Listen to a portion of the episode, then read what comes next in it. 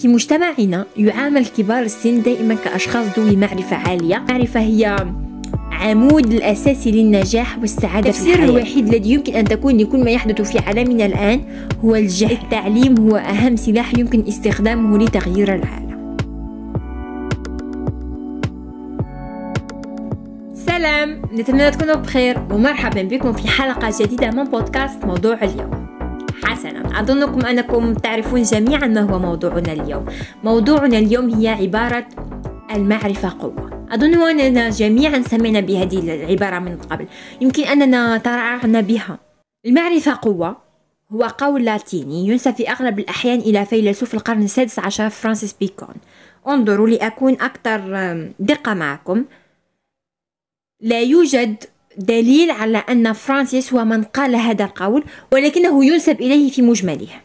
وكما قلت لكم من قبل أننا معظمنا سمع من قبل هذه الجملة وربما سمعناها بما يكفي لدرجة أنها أصبحت واحدة من تلك العبارات المبتذلة التي لا نعطيها أبدا بالا. ولكنني دائما أشعر أننا لا نعطي هذه العبارة حقها وأن هذه العبارة تستحق أن ننتبه إليها أكثر لأن فيها ما يحتاجه كل إنسان المعرفة. فكما يقول نيلسون مانديلا التعليم هو أهم سلاح يمكن استخدامه لتغيير العالم. حسنا يمكن أنكم تتساءلون ماذا نقصد بعبارة المعرفة قوة. ولأقول لكم هذا من البداية أن كلمة المعرفة المعرفة وحدها لا يوجد لها تعريف واضح. هناك أكثر من 300 تعريف لها.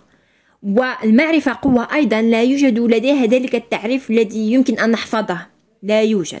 ولكن في مجملها المعرفة قوة تشير إلى ذلك الشخص الذي لديه الإدراك الوعي والقدرة على فهم الحقائق. يمكن الأشخاص الذين لديهم قدر من المعرفة على التعامل مع الأشياء بسهولة أكثر. المعرفة هي أقوى أداة لتوفير القوة للناس. يمكننا أن نقول أيضا أن المعرفة تعطي للأشخاص أسبقية. بالنسبة للأشخاص الآخرين خلقت المعرفة أساسا لتفرق بين الإنسان والحيوان. لا يمكن مقارنة البشر بالحيوانات في القوة الجسدية ولكن البشر كانوا دائما أقوى مخلوق على وجه الأرض فقط بسبب عقلهم والمعرفة الموجودة فيه. فالبشر لديهم تلك القدرة على تغيير العالم فقط بمعرفتهم أبحاثهم وتجاربهم. تمنح المعرفة القوة للإنسان. لماذا؟ لأن بالمعرفة نستطيع التفريق بين الصواب والباطل الخير والشر. تساعدنا على تخطيط المستقبل وتوجيهنا إلى الطريق الصحيح. فبدون المعرفة لن نستطيع حتى معرفة أهدافنا معرفة الطريق الصحيح وكيف نصل إلى أهدافنا بشكل أسرع. تساعدنا المعرفة على التغلب على كل نقاط ضعفنا والعيوب التي نمتلكها. كذلك كيفية مواجهة الصعوبات في الحياة بثقة والسيطرة عليها في أسرع وقت ممكن. المعرفة يا أصدقاء تجعلنا أقوى من خلال منحنا التقدم العقلي والأخلاقي في الحياة. يجب عليكم أن تدركوا من الآن أن المعرفة أداة مهمة للغاية لإحداث تغييرات إيجابية سواء في المجتمع أو في البلد. يمكننا القول أن المعرفة هي عمود الأساسي للنجاح والسعادة في الحياة. لذلك يجب أن نحصل على المعرفة ونعمل بأمانة ونحمي مجتمعنا من الشر. باختصار تحافظ المعرفة على السلام في المجتمع من خلال إبعاد الناس عن المعارك الشرور الاجتماعية الأخرى. فإذا استطعنا التركيز بشكل أكبر على معرفة وتثقيف أنفسنا فلن يكون هناك أي كراهية أو الحوادث التي تحدث الآن ونكرهها بشدة والتي لا نجد لها تفسير. في الحقيقة هناك تفسير. التفسير الوحيد الذي يمكن أن تكون لكل ما يحدث في عالمنا الآن هو الجهل. فلو كان للإنسان قدر من المعرفة انظروا أنا أركز بشدة. أن أتحدث عن المعرفة وليس العلم.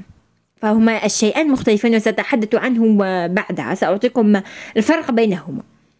لو كان كل الناس لديهم قدر من المعرفة لن يحدث أي شيء من حوادث من حوادث العنف.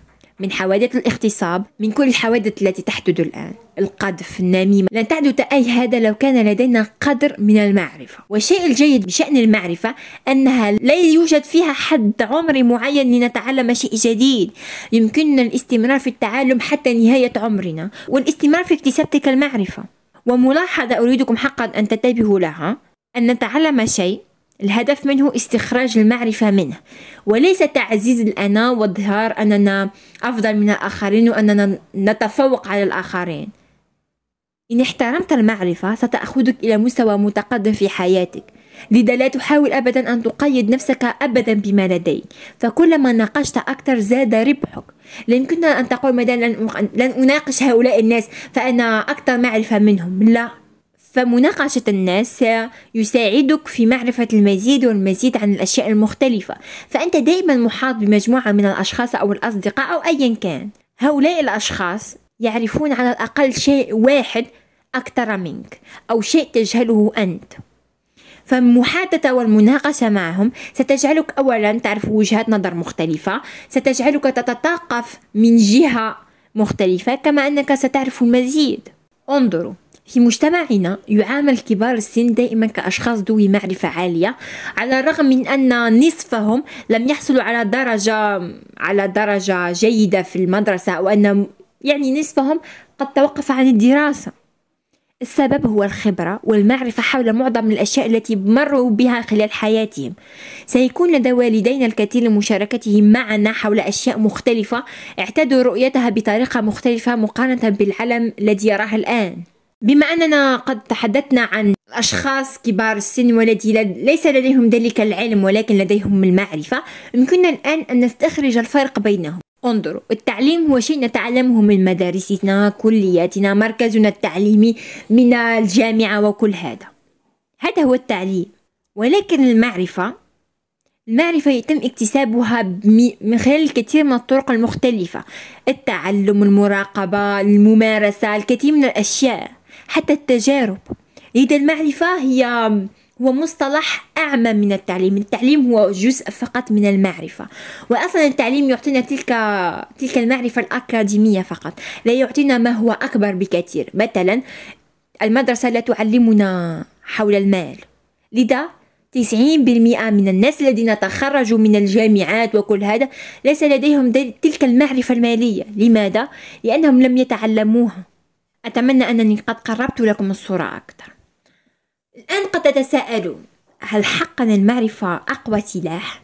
نعم المعرفة هي أقوى سلاح في العالم ولكن هناك الكثير من من الحالات التي يكون الإنسان ذا معرفة كبيرة ومع هذا لا تفيده بأي شيء. مثلا أنت شخص يمكن أن أقدم لك كل المعلومات كاملة أن أقدم لك كل المعرفة التي تحتاجها في حياتك ومع هذا سلوك لن يتغير أي شيء. هل فادتك هل فادتك تلك المعرفة؟ لا لن تفيدك. إذا لا تعتبر هنا أنها أقوى سلاح. كذلك هناك حالة أين يختار الناس عدم تغيير سلوكهم لأن الثقافة وضرورات المجتمع التي يعيشون فيها تجعل من الصعب للغاية التصرف بناء على المعرفة. أيضا نجد معظم الناس في معظم المجتمعات لا يملكون قدرة على التصرف بناء على المعرفة التي يمتلكونها. ومن هنا نستنتج يا أصدقاء أن المعرفة وحدها ليست قوة. اتفقنا من قبل أن المعرفة هي كل شيء تقريبا لأنها تمتلك القدرة على جعل الشخص الضعيف جسديا أقوى شخص في العالم فقط من خلال عقله من خلال المعرفة التي لديه. فإنه يعطي في المعرفة تعطي كل شيء في الحياة مثل المال القوة الاسم الشهرة والنجاح والمركز وكل هذا. نجد الكثير من الأشخاص الذين عرفوا من خلال معرفتهم فقط أصبحوا ناجحين جدا. فالشخص الأكثر معرفة في المجتمع هو الشخص الأكثر قيمة واحتراما. ولكن كما قلنا سابقا أيضا المعرفة وحدها لا تفيد بشيء. ففي أحسن الأحوال تعتبر المعرفة قوة محتملة. وكي نكتسب حقا تلك القوة من المعرفة يجب أن تكون هناك معرفة زائد عمل هنا سنمتلك القوة. وما قصدنا وما قصدنا بقوة محتملة هي أن المعرفة بدون الدافع أو القدرة على التطبيق تلك المعرفة لا فائدة منها. فإن كنا في مجتمع مثلا تلك لدينا تلك المعرفة ولكننا لا نطبق تلك المعرفة ما الفائدة إذن؟ لذا سيكون من الأدق القول إن الإرادة والقدرة على التصرف وفقا للمعرفة التي لدينا ونمتلكها هي القوة الأساسية. نحن بحاجة إلى مشاركة معرفتنا والتحفيز والتأثير والعمل مع الآخرين لإنجاز الأمور والأمر نفسه ينطبق على المعرفة. وهذه هي كانت حلقتنا اليوم يا أصدقاء. نتمنى أنكم تشاركوني رأيكم في المربع في الأسفل وما هو مفهومها عندكم.